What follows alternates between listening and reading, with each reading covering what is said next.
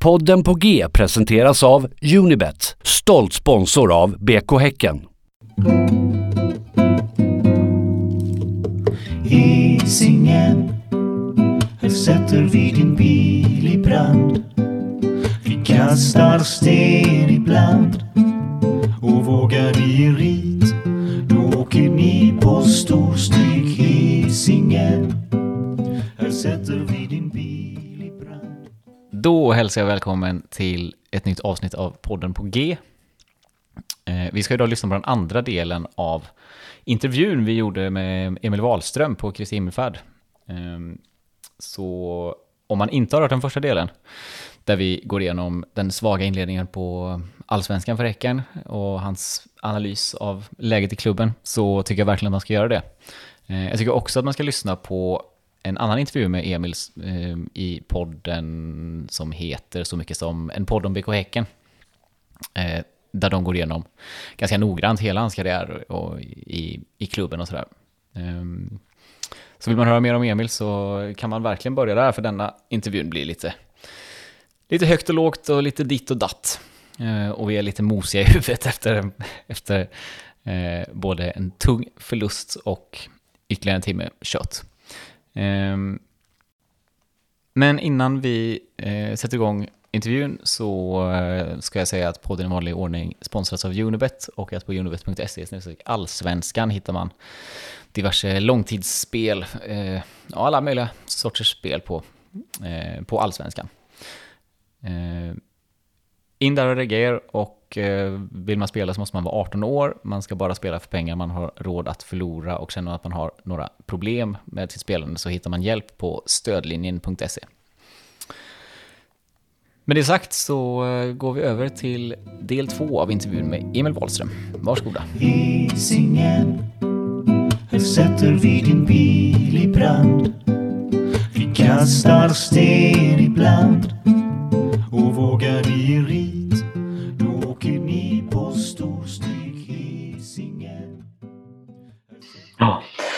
Ja, nej men då kanske vi har pratat nog om eh, den här försäsongen. Ska vi prata om något, något lite muntrare kanske? Men, ja, men jag är ganska jag är intresserad av detta med att ha, liksom, vara fotbollsspelare till yrket. Så. Och det känns ju verkligen som att du eh, ja, verkligen har haft. Liksom, att har, du har sett det som ett yrke och ett kneg. Liksom. Och, och nu vet jag inte riktigt vad jag baserar det på, men min bild av dig, Emil, är att så här, ah, du är kanske inte superintresserad av fotboll. Alltså det är klart du är Mhm. intresserad av fotboll, men det är liksom inte... Ja, men det är ett yrke. så här. Mm. Och då undrar jag, nu nu när du har lagt ner liksom elitfotboll, vad, vad är det du saknar minst med att vara fotbollsspelare? En Bra fråga. Jag, jag tror det skönaste att slippa det och det här och behöva gå ut på plan, träna och använda sin kropp, behöva komma upp på en viss nivå och prestera varje dag. Eh, att fightas liksom om sin plats och just den prestationsgrejen tror jag är skönast att slippa. Eh, för att det är så här, det är ju varje träning man slåss om att få spela och, och liksom komma få ett nytt kontrakt eller vad det är. Alltså man har ju ingen trygghet i fotbollen på det sättet. Eh, och den Om man inte heter jag- Andreas. Alm då. Ja, precis. Då är det ju tryggt och skönt. Eh, Så den delen tycker jag är ganska skön att, att, att slippa. Liksom. Att du kan, eh, du kan ha en dålig dag nu och det, är ingen, det är inte hela världen. Liksom.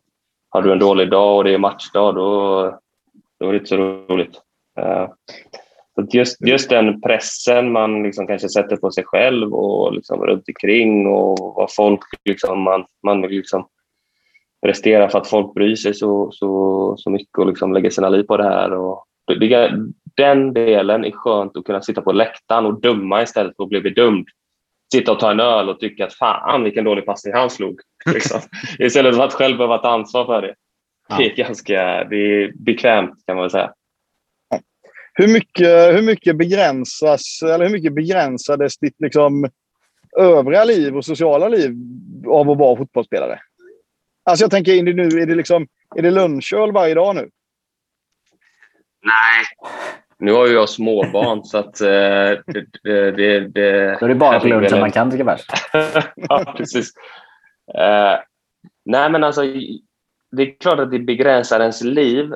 Samtidigt så kommer man inte till allsvenskan om man inte är beredd att, att begränsa sig. Så kan man väl säga. Alltså, eh, brinner man mer för att dricka öl och åka till Ayia Napa, då blir du inte fotbollsproffs. Så du har någonstans tagit liksom ett beslut. De andra som tycker att det andra är roligare, de faller bort längs vägen. Jag tror det är en av de största liksom så här, uppdelningarna till att man tar sig, ta sig liksom vidare till att och liksom bli professionell fotbollsspelare och jätteduktiga spelare som faller bort. Det är att jag, hade aldrig, jag har aldrig haft ett behov av att gå ut varje fredag och lördag. Jag tycker det är kul att dricka öl och vara med mina kompisar. Men jag har inte haft behov av att göra det jämt. Utan jag har ty tyckt det varit roligare att spela fotboll och vara med mina kompisar där och så kunna dricka bärs och liksom ha det kul när det har funnits tillfällighet och liksom resa och hela den biten. Det har passat mig som person.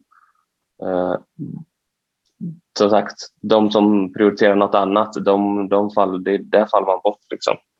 Så jag, jag, tror man är så som person om man har tagit det valet. Jag har inget behov av att liksom stå på eh, nattklubb varje helg nu bara för att jag har slutat spela fotboll och ta igen någonting. Eh, jag tycker det är ganska gött att vara med familjen. Eh, mm. typ, typ så. Och vad, och, ja. Här ska jag säga, men äh, apropå... Äh, jag tappade bort mig, förlåt. Kör Erik. Vad saknar, du, äh, vad saknar du mest då? Det är väl den naturliga frågan. Jag saknar mest det, det var liksom, alltså, känna att man har ett yrke där man umgås med sina kompisar varje dag och gör någonting i det stora hela man tycker är, är roligt. Alltså, fotbollen, det är som du säger, fotbollen blir ett yrke och gör du någonting varje dag så blir det mycket, mycket grejer som att man, så här, man blir trött på. Mm. Springa och värma upp 15 minuter runt planen. Liksom. Det, är så här, mm, det har man gjort i 3000 gånger. Det är inte så jävla ball, men i det stora hela så är det jävligt kul att liksom kunna hänga med sina kompisar i ett omklädningsrum, snacka skit, gå ut och spela fotboll, ha kul. Eh, och, och liksom det livet saknar man ju sjukt mycket sett till att man jobbar. Man hamnar i något sånt här måndag till fredag, åtta till fem jobb och liksom det bara rullar på livet. I fotboll är det liksom så här du, du är med här och nu i fotbollen. Uh, du har också lite så kortare dagar, du har inget så satt schema. Du, du kan liksom ha ledigt när som helst. Alltså det, det, det blir mer ett flytande liv på det sättet. Nu hamnar man med så här, okej, okay, kriga på måndag till fredag, sen är det helg, då kan man leva. Och sen krigar man på måndag till fredag, sen är det helg och sen har man en ledig dag. Typ. Mm. Alltså, man, det saknar man i fotbollen, det andra, de delarna av livet. Och samtidigt så det vi som på det sättet man kan följa det nu är ju liksom lite Instagram och sånt. Det ser inte helt oglassigt ut nu heller. Ja, okej. Okay. Nej, men Instagram är också till för att lägga upp när man har det glassigt. ja. Det är liksom så här. För varje bild man lägger upp på Instagram så, så, så uh, finns det en baksida. Tänkte jag säga. Nej, men alltså det, det är klart att jag har haft en satans tur och få, ett, få liksom möjlighet att, att börja jobba i ett, ett företag som är extremt intressant och har en så, så här, extremt rolig approach till hur man bedriver företaget och sin företagsprodukt. Uh, och med det kommer säkert det komma mycket... Det är någonting med motorcyklar, va? Ja, vi gör uh, Regent Motorcycles. Vi tillverkar elmotorcyklar. Vi bygger ah. dem från grunden själva i eh, Sverige. Jag tror faktiskt att mitt företag har hjälpt till och gjort några delar till det på något batteripack eller whatever. Vad jobbar du med? På... Eh, ja, skitsamma. Vi har bara, vi har bara typ fräst ut akrylskivor ja, okay. med fästen mm. för någonting. För något, ja, ja. ja, det kan nog stämma. Jag jobbar i skyltbranschen du... i, alla, i alla fall.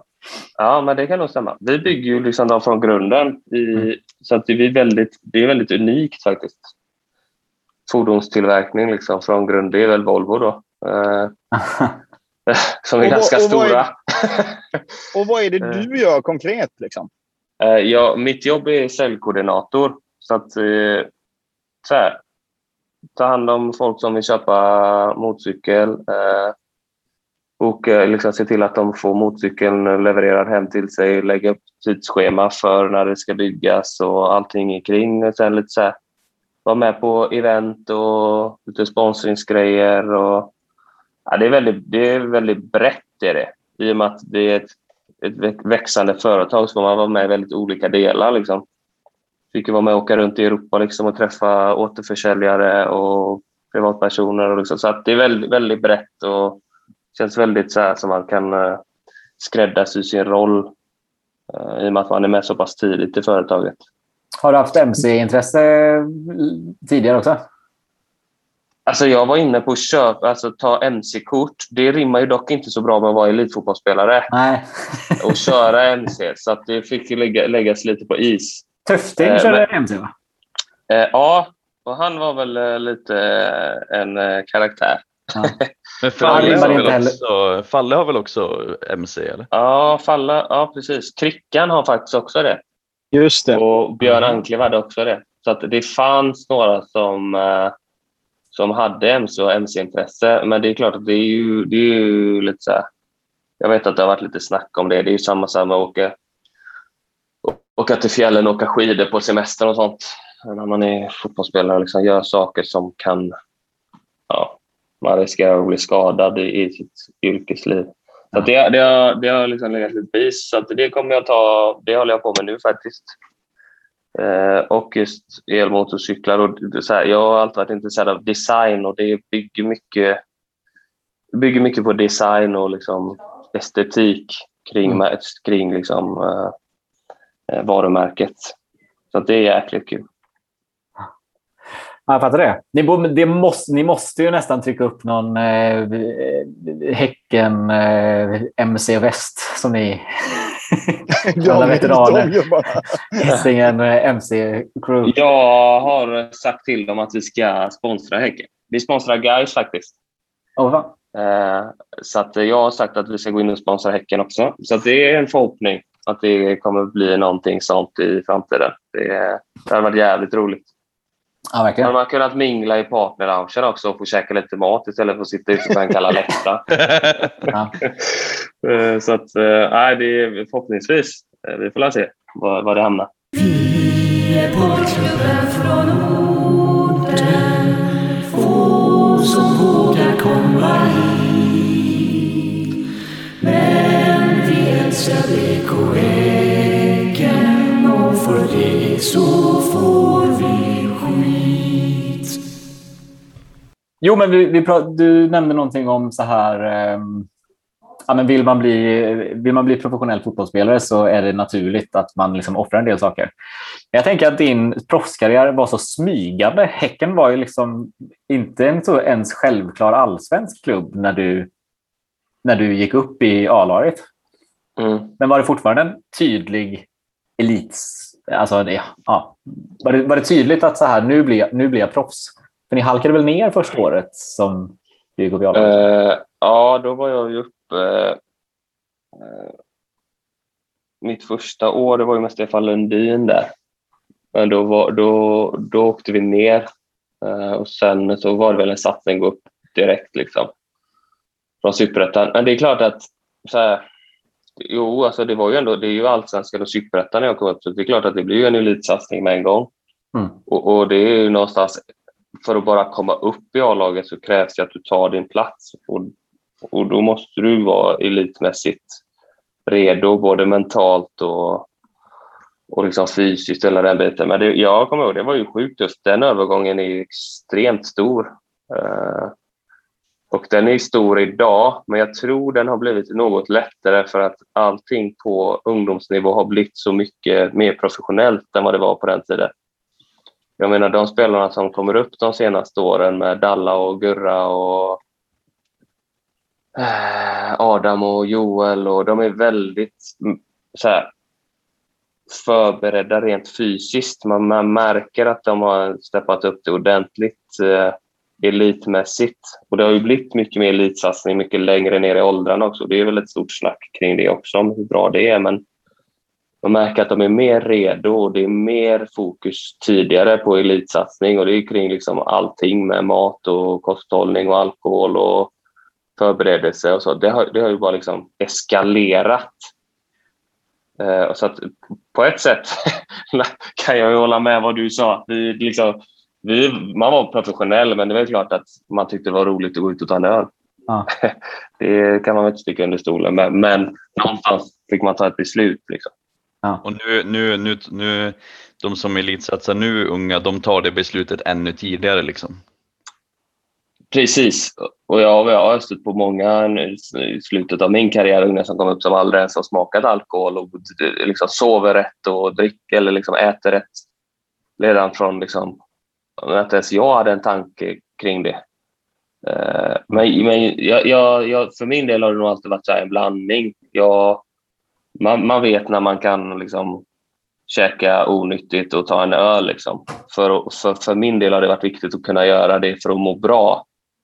Jag hade inte liksom kunnat leva så här, 100 procent, äta rätt och liksom sova rätt och gå och lägga mig den tiden hela året, liksom varje år. För att då hade jag nog rent mentalt tröttnat jag med. Jag, mm. men, men det kanske är hade jag gjort det kanske jag hade kommit längre i min karriär. Kolla på Ronaldo och Zlatan och dem. De är ju tusen procent dedikerade till det. Eh, sen hade jag tyckt att det livet hade varit för tråkigt för mig så då kanske hade slutat på grund av det istället. Eh, så det är lite sådär. Eh, Men hur man är som person och vad som hjälper en att prestera också. Men under dina år i Häcken, det, var liksom, det fanns aldrig på kartan att lägga ner då? Alltså kommer man till en... Man måste väl också komma till en, en på något sätt, det är detta jag gör nu? Eller, och då bara rullar det på? Eller hade du tankar på mm. så här, hur, hur, hur... För du måste ju...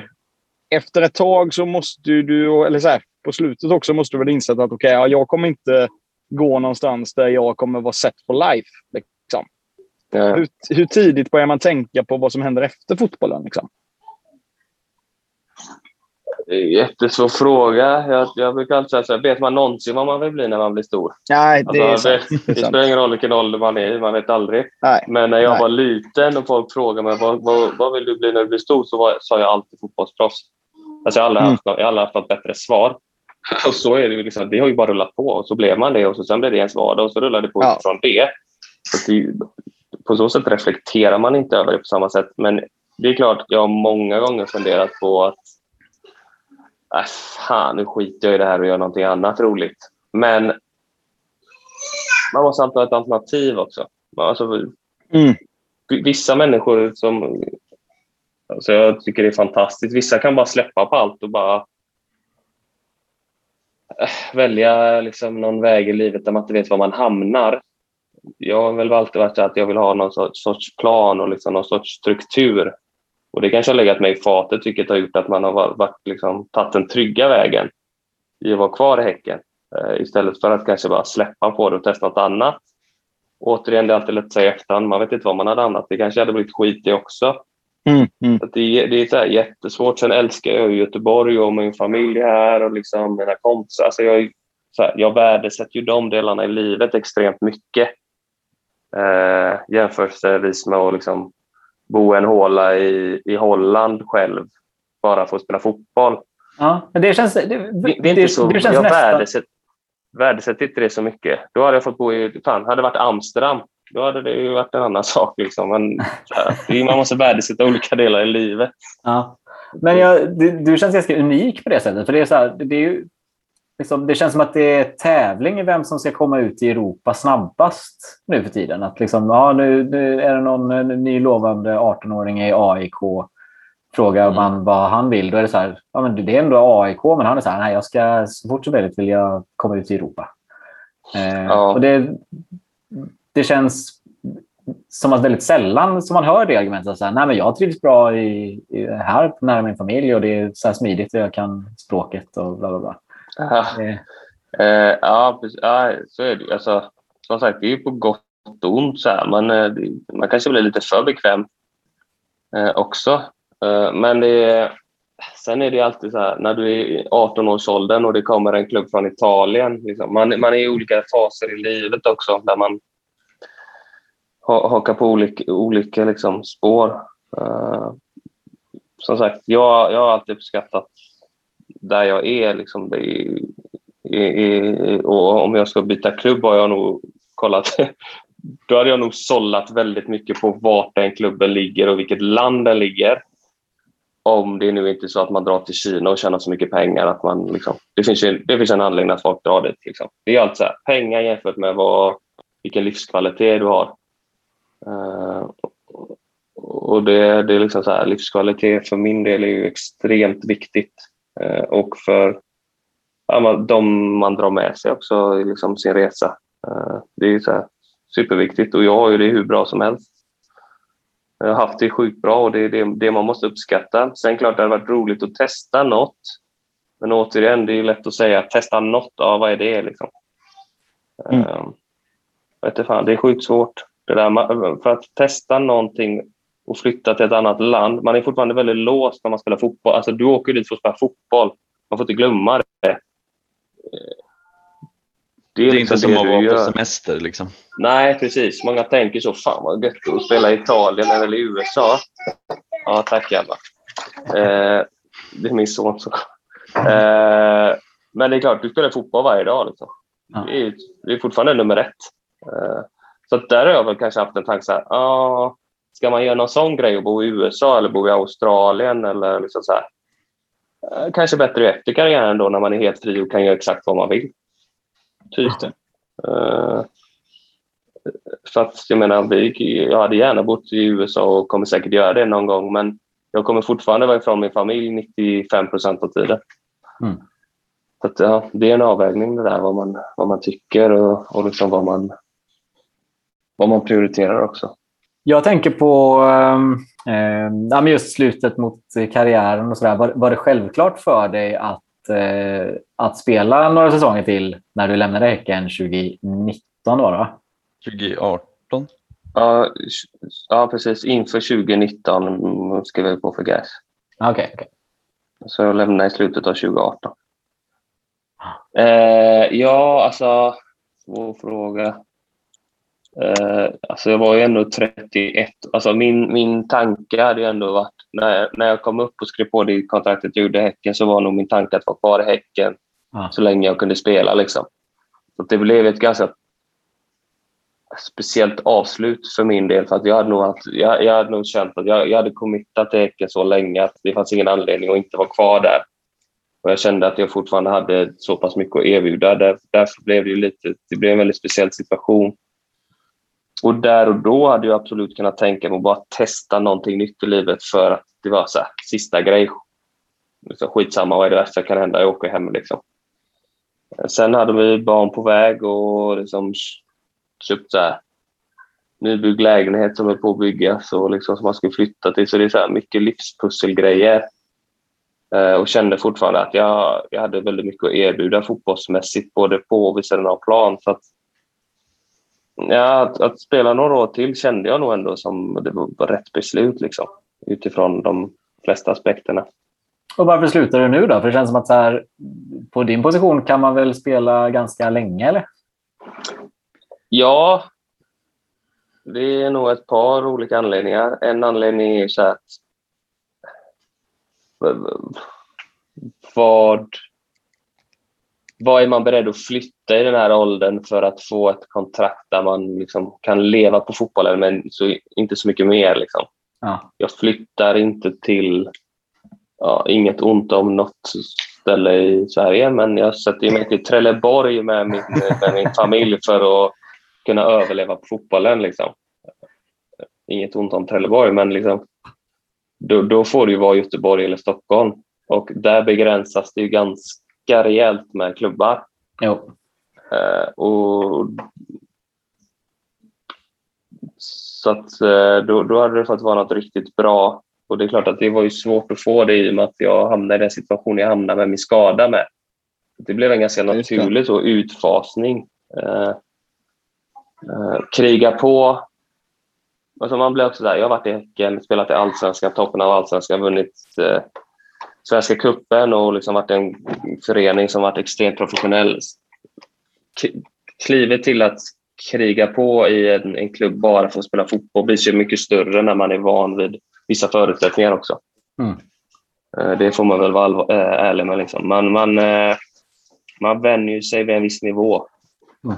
Eh, Och, och då måste, håller det inte en viss nivå, då, då, ja, då är det väl lättare att ta ett beslut och, och hoppa på något annat. Och så, sen dök det här liksom, jobberbjudandet upp som eh, liksom så här, ja visst, jag kan spela ett eller två år till, sen måste jag ändå söka ett jobb. Kommer jag kunna få en bättre jobbmöjlighet? Nej, troligtvis inte. Nej. Sen kanske jag kommer fortsätta spela någonstans för att det är kul att spela fotboll. Liksom. Men eh, ja, typ så. Men apropå din liksom, tydliga klubbtillhörighet, att du varit i Häcken så jäkla länge och så. Hur, hur, hur var det att spela för en annan klubb? Hur var drivet och liksom, eh, kän- kändes det annorlunda att kriga för andra färger?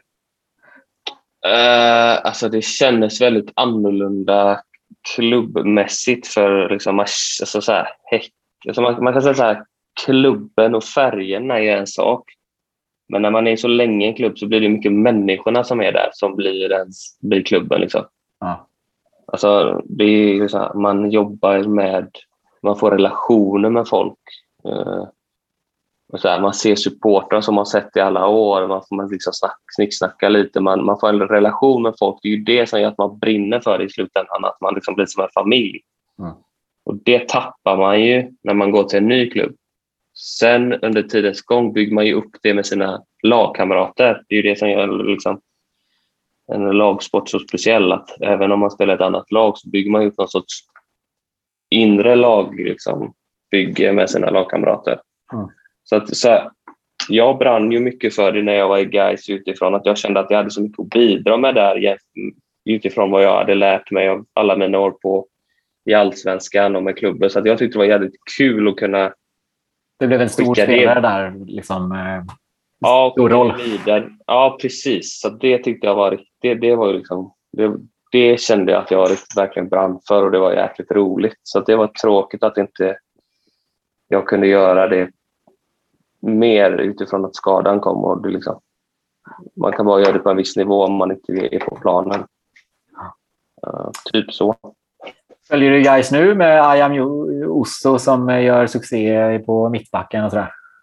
Ja, men det är sjukt kul. Eh, och det är kul att det går bra där nu. Det, det, jag tycker det, det som sagt, jag har ju fått en relation med många spelare där, så att där, eh, där känner man också att, eh, att man har liksom något, något hjärta med de spelarna. Liksom. Eh, sen, sen blev ju så här, Gaistiden blev ju lite speciell utifrån, både utifrån min skada och att coronasituationen blev en så stor del av, av det också. Så att supportrarna försvann ju också. Man, man hamnar ju längre ifrån det. Ja. Liksom eh, hela allting runt omkring. Så det, sista året blev ju lite avskärmat från allting. Eh. Jag, jag har en annan fråga angående just coronasituationen. Jag, jag läste någonstans att typ eh, Häcken bytte om i så här, tre olika omklädningsrum och man delade upp sig väldigt mycket för att så här, det inte skulle vara någon farlig smittspridning och, och sådär. Eh, jag tänker att sånt måste ju ha påverkat det här lagbygget ganska mycket att så här, och sammanhållningen och, och så. Hade ni, var det samma i Gais och hur upplevde du att det påverkade liksom, gruppmentalitet och dynamik och sådär? Ja, absolut. Ja, vi hade ju alltså i början där, eller ganska länge med, byta om hemma, duscha hemma, bara komma, ses på träningen, träna och åka hem. Ja. Eh, ja, absolut. Inga snackar med handduken i duschen längre. Nej, precis. Liksom. Inget, inget sånt roligt. Nej, men det är klart att du blir av, du blir av med väldigt mycket sånt. Ah. Sen, sen återigen utifrån min position där jag är den åldern jag är, jag har spelat så länge jag har spelat. Jag har min fasta punkt i Göteborg. Så klarade, kändes det liksom, jag klarade det ganska bra för att jag känner mig ganska trygg i min roll och jag har, liksom, jag har, mitt, har mitt här. Jag tror det kan påverka väldigt stor del på spelare som värvas in Mm. till klubben och även till Häcken. Liksom, att, för att komma in i laget. Liksom, man kommer från en annan stad, man kommer från ett annat land. Man ser bara sina lagkamrater på planen. Man, man, det blir svårt att bygga en relation till sina... Liksom, så här, den delen tror jag blir, blir tuffare. Men, men för min del, så här, jag, jag kände spelarna sedan innan. Jag, jag känner någon sorts trygghet i, i den jag är och där jag är och som spelare så, så klar, kändes det liksom. För, för min del funkar det ganska bra. Jag, jag, som sagt, yngre spelare, nya spelare, folk som kommer utifrån, där blir det, ju, det blir isolerat som för alla andra i samhället. Och det tror jag kan påverka ganska mycket. Alltså applicerat på Häcken känns ju det ganska talande på typ Ja, men kanske Heinz, kanske Jasse Tuominen när han kom. Och, Ja, som också, Traoré också. Så Traoré också. Mm. Adjumani. Ja, Ehm, nu vet jag inte hur strikta de är med liksom, ehm, eh, ja, men de bitarna längre. Det har ju ändå lättats upp lite grann. Men, mm. men, eh, det, är fan, det är spännande att tänka på att så här, kompisrelationerna kanske speglar sig någonstans i spelet på plan också sen. ja, det är klart. Det är ju liksom så här. Det var ju som när man kom upp till A-laget från juniorerna. Så här. Komma in i laget och komma in i gruppen är ju en extremt stor del för att liksom kunna utvecklas och känna en trygghet i att utvecklas och ta för sig. Ja. Eh, Att man blir accepterad i gruppen. Det är ju liksom en jättestor del. Blir du inte det och du inte passar och kommer in i gruppen, då blir det ju tufft. Liksom. Mm. Det är ju, så är det på alla plan i samhället. Och det är klart att det blir ju jävligt mycket svårare om du inte kan ha några liksom, gemensamma, alltså ja, inte kan umgås helt enkelt. Alltså, det antydde ju Söderlund förra säsongen att han hade blivit väldigt ensam i truppen. Han sa nej, jag, är, men, jag har inga riktiga kompisar än, men det kanske, det kanske kommer sen. Det lät så jävla sorgligt.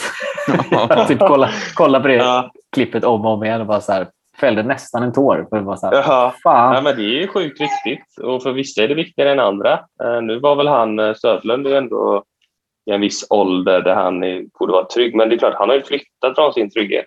Ja, Så här, man vill ju ha, vissa är väldigt beroende av det här sociala och känna att man är med i grupperna, att man har kul och man känner sig trygg och kan prestera. Vissa är inte intresserade av det. De är ren individualister, bara prestera och så sen går jag hem. Liksom. Så ja. det är väldigt olika där. Eh, hur det påverkar tror jag. Ja, men om, vi, om vi närmar oss slutet så vill jag bara ställa en fråga till. Eh, för jag lyssnade på en podd om BK Häcken, avsnittet med marknadschef eh, Malin, heter hon va?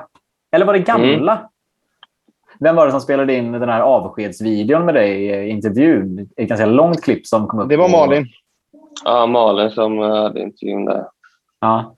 Hon beskrev det så extremt starkt. Att, att här, hon hade inte riktigt förväntat sig vad den intervjun skulle bli. Att den skulle vara så liksom, känslosam och liksom, eh, viktig. Hon upplevde att den blev väldigt, väldigt viktig för henne. Liksom, att det var ett väldigt fint ögonblick. Kan du berätta om den eh, intervjun och situationen du var i då och vad du minns från, från tiden? Ja, eh, det var ja, Malin. Kajsa var ju en del inblandad där som inte är kvar också nu. Eh, som hade bra relation. Alltså, ja, alltså, jag, jag, jag kände att det var... Där, där för min del, där, där var liksom så här, ett, ett, en, en tidpunkt när jag tycker Häcken verkligen steppade upp hur man såg på sina spelare som har gjort någonting för klubben som jag faktiskt har efterlyst i alla år. Liksom så här, vi liksom ha något sorts bra avslut för, för folk som har presterat och varit där länge. Så det var jag sjukt tacksam för. för det, har, det har, tycker jag har varit lite så här, sparsmakat med de spelarna. Jag vet inte hur ni känner de som har varit och liksom slutat med Henriksson när han slutade och Linna. Alltså det, var, det var inte så himla mycket tycker jag. Som jag tycker att det borde vara när, när någon slutar som har varit med länge. Mm. Jag, var- jag, jag var väldigt tacksam över att de tog det så stort och liksom avslutningen som var på Bravida och videon och liksom verkligen tog det på allvar. Så det, det kändes, eh, det var, det var sjukt hedrande och kul och lite så som jag sa det här med klubb, klubben. Eh, Man bygger relationer med de man eh, umgås med i klubben. Ja. Och då är det inte bara spelarna utan det är ju folk som jobbar där. Och det, det, det var liksom så här, det, det var det mest sorgliga tycker jag. De här människorna träffar jag varje dag. eh, Från eh, till att de här människorna kommer jag att träffa eh, väldigt sällan. Ja. Och det, det var liksom den största... Inte så här, jag kommer inte spela fotboll i BK Häcken mer, det vet jag. Det kommer en dag när jag inte kommer göra det. Det, det fattar vem som helst. Men just det här, lämna sina arbetskamrater och folk man verkligen trivs med och man har byggt upp någonting mer med än att vara något ytligt. Den, den delen tycker jag var så här, det var det tuffaste och det saknar jag fortfarande. Alla, allt folk runt omkring och det kanske Malin kände också att jag liksom kunde visa det på något sätt. Uh, tror jag. Men det var också en så lite turbulent tid. Att så här, du hade varit i klubben i 10 plus år, 12, 13 kanske? Eller? Ja, ja. ja plus ungdomsår. Och ja. det var inte jättetydlig kommunikation från klubben så här, när du skulle lämna om nytt kontrakt och så där. Så det var ändå inte hard feelings, men det var ändå så här. Eh, det var mycket, mycket känslor liksom. Eh, ja, hur, hur länge höll, eller så här, var det, var det några hard feelings och hur länge hängde det i? Eller har, har det påverkat ditt intryck av liksom högsta klubbledning någonting? Ja, alltså det får man väl vara ärlig med att jag har gjort. Jag försöker, återigen där, jag försöker, jag sa nog det i intervjun också, där, där försöker jag skilja på här, klubben eh, och liksom så här. Man, man, kan säga vad är BK Häcken och vilka är BK Häcken? Och vilka liksom människor, jag, jag tycker så här, människor kommer och går men de som bygger BK Häcken, det är ju de som jobbar där varje dag. Supportrarna, Hisingen, allting runt omkring. Och där, det är liksom, jag, jag, jag, jag, är inte, jag kommer alltid älska Häcken. Det är inget, det är inget som påverkar mig ur ett Häcken-perspektiv. Däremot så enskilda personer som man känner att man kunde fått mer utav i form av liksom högsta ledningen då, där och liksom diskussionerna med Sonny och sånt. Där var jag extremt besviken hur hur det sköttes och liksom, liksom diskussionerna man hade och lite här, den här bristen på uppskattning åt båda håll och vad man har varit med om, att det togs lite så här, lite för givet och lite för lätt och egentligen gjort genom alla år. Där, där har jag en sjuk besvikelse och det, det kommer nog alltid ligga med. Men jag har ju åsidosatt det ifrån vad jag tycker om Häcken och de människorna jag verkligen tycker om där. Liksom. Det, jag, låter jag det spela över på det andra, men då, då blir allt förstört. Det, så det tänker jag inte göra för att det, jag tänker vara stolt över det jag gjorde och de människorna jag var med och de jag tycker om. Som i övriga livet, liksom. man väljer de människorna man, man tycker om och de man är med. och liksom så här, mm, Man blir mer och mer selektiv ju äldre man blir. Så det, det, det, det blir två olika grupper för mig. Liksom. Eh, Ja. Men jag sätter under stolen med att jag var sjukt besviken och att jag kommer, det kommer alltid ligga med mig kring vissa människor. Ja. Ja, men du säger det väldigt, väldigt fint i den videon. Så om någon inte har sett den, så, eller om ni har sett den, så rekommenderar jag er att återbesöka den. ja. Den är väldigt, väldigt stark. Ja, ja nej, men då så Erik. Ja, men jag tänkte bara eftersom nu när Olle tog ner stämningen lite. Men, nej, men jag, har gjort, jag har ju intervjuat lite spelare och sånt. På, och det ska jag säga också att det var ju väldigt uppskattat från supportrar att du kom till puben sen också i slutet där. Ja, mm. otroligt. Jag, jag minns fortfarande den dagen. Det var ett väldigt ja. starkt minne. Ja, ja vad gött. Kul. Ja. Jag kommer säkert uh, nej, vara där i framtiden också när det öppnas upp och dricka lite bärs och sitta på min plats på Bravida. du fick ett litet plakat. Ja, precis. Ja. Och sit, sitta då bredvid, den, bredvid kryckans utsålda plats också. ja, du får extra benutrymme där. uh, nej, men jag tänkte säga, jag har, gjort, jag har ju intervjuat lite spelare från på den puben och så också innan. Och då har jag gjort en grej som heter uh, uh, telefonboken. Och då är liksom, det är premissen så här då att i din telefonbok i mobilen så har du bara nummer på spelare och ledare som du har haft under din liksom jobbat med under din period i Häcken. Mm. Uh, och så säger jag ett scenario och så får du säga då vem du ringer. Okej. Okay. Är du med? Ja. Uh, och då tänkte jag första så här. Du har det dukats upp till en härlig grillkväll med ja. polare. Uh, och så är det enda som fattas är att du ska till Systembolaget och köpa en, en platta öl. Liksom. Mm. Eh, och då upptäcker du att den här lördagen är liksom en röd dag. Mm. Vem ringer du då som du liksom vet har en platta öl hemma? Uh, jag skulle... lite så här.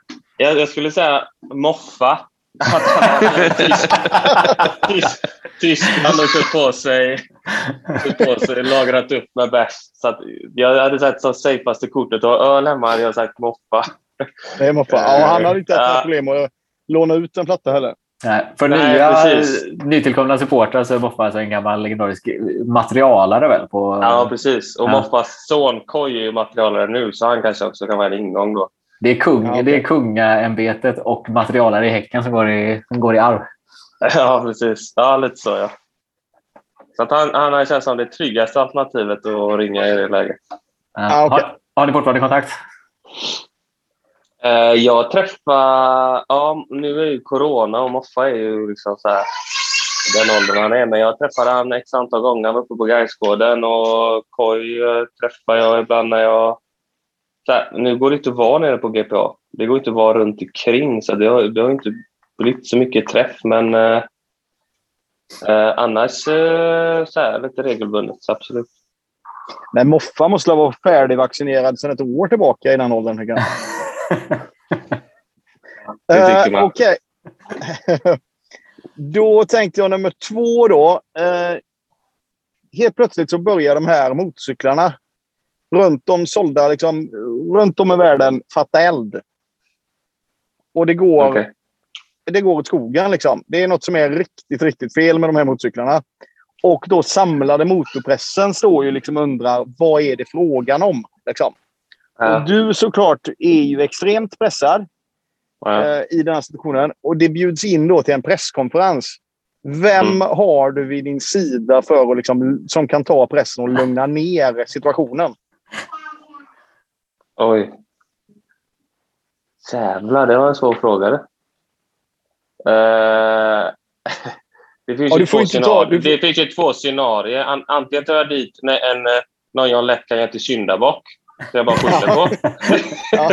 då, sä- då sätter jag Friberg eller någon där och så får- han ta det bara. Eh, ehm, fan, Martin kanske? Ja. Eller Josef Karlsson. Känns som att han också kan styra upp det på något sätt. Ja. Sämsta alternativet är ju Andreas Alm. Ja, Kryptiska uttalanden om... eh, Ja, men- nu, har, Ja. nu har väl inte han varit med. Den finns väl inte i telefonboken, va? Men eh, nej. Är det så? Eh, Ja, just det. Fan. jo, jo, jo, vi hade han med ett år. ja, okej. Eh, Ja, ja. Men eh, nej, alltså som sagt. Eh, Martin hade nog kunnat styra, styra det bra. Eh, Henriksson kanske? Bra på att snacka sig ur situationer. Eh, eller så kör man den gamla klassiska syndabocken bara. Ja. Jag vet inte, det får väl bli någon av dem. Men det styr, uppstyrsmässigt så Josef Karlsson, Martin eller Henriksson skulle nog Ja, okej. vara i, i topp där. Eh, får jag ta nästa, Erik? Ja. ja, visst. Absolut. Ja, då är du på Barleys Food Factory på, eh, på Kvilletorget. Eh, Du har beställt, beställt in ramburgaren som alltså är en femvåningsburgare på 900 gram kött. Och Mm. eh, Den får man ju då gratis ifall man, eh, ifall man ät, lyckas äta upp hela. Okej. Vem ringer du då? Som hjälper mig att äta upp den. Ja, Eh, vad fan, någon som äter mycket. eh, Abrahamsson kanske? Han har auran av att Asså? käka mycket. Ja. Ja, men han kan nog trycka, trycka rejält med mat alltså. Skulle jag nog ändå säga. Gurra. Gurra Berggren skulle nog kunna trycka rejält med mat också. Ja. Faktiskt. De här gymkillarna, jag tänker att det måste väl finnas någon som du vet, så pressar hårt i gymmet och äter legendariskt stora portioner på GPAs frukostbuffé. ja, ja, ja, absolut. Sen är ju fotboll allt så här att man inte, folk vill ju vara på en viss nivå fett eh, liksom vägarmässigt. Så det är ju så här, man går inte och trycker en början tre gånger i veckan kanske, men eh, ja, jag skulle ändå plocka in Abrahamsson eller Berggren där för att trycka ner resten av början. Ja. Om Ja, jag har ett fullgott typ startjobb tror jag. Ja, det är bra. Ska vi, orkar vi med en sista, eller? ja, ja, absolut. Eh, då är det så här. Du, det ska köpas ett, en hus eller lägenhet. Det beror på vad du är mest sugen på. Liksom. Dröm, drömboendet har du Mm. framför dig. Mm. Enda, eh, och liksom, du har ju pengarna till insats och allting. Eh, Men enda kruxet är att då eh, säljaren genom mäklaren Mm. eh, behöver få fram en kvarts miljon i kontanter i liksom en sportbag. Ja. Vem löser det på sex timmar? Vem ringer du? Eh, rent spontant skulle jag säga Ranegi.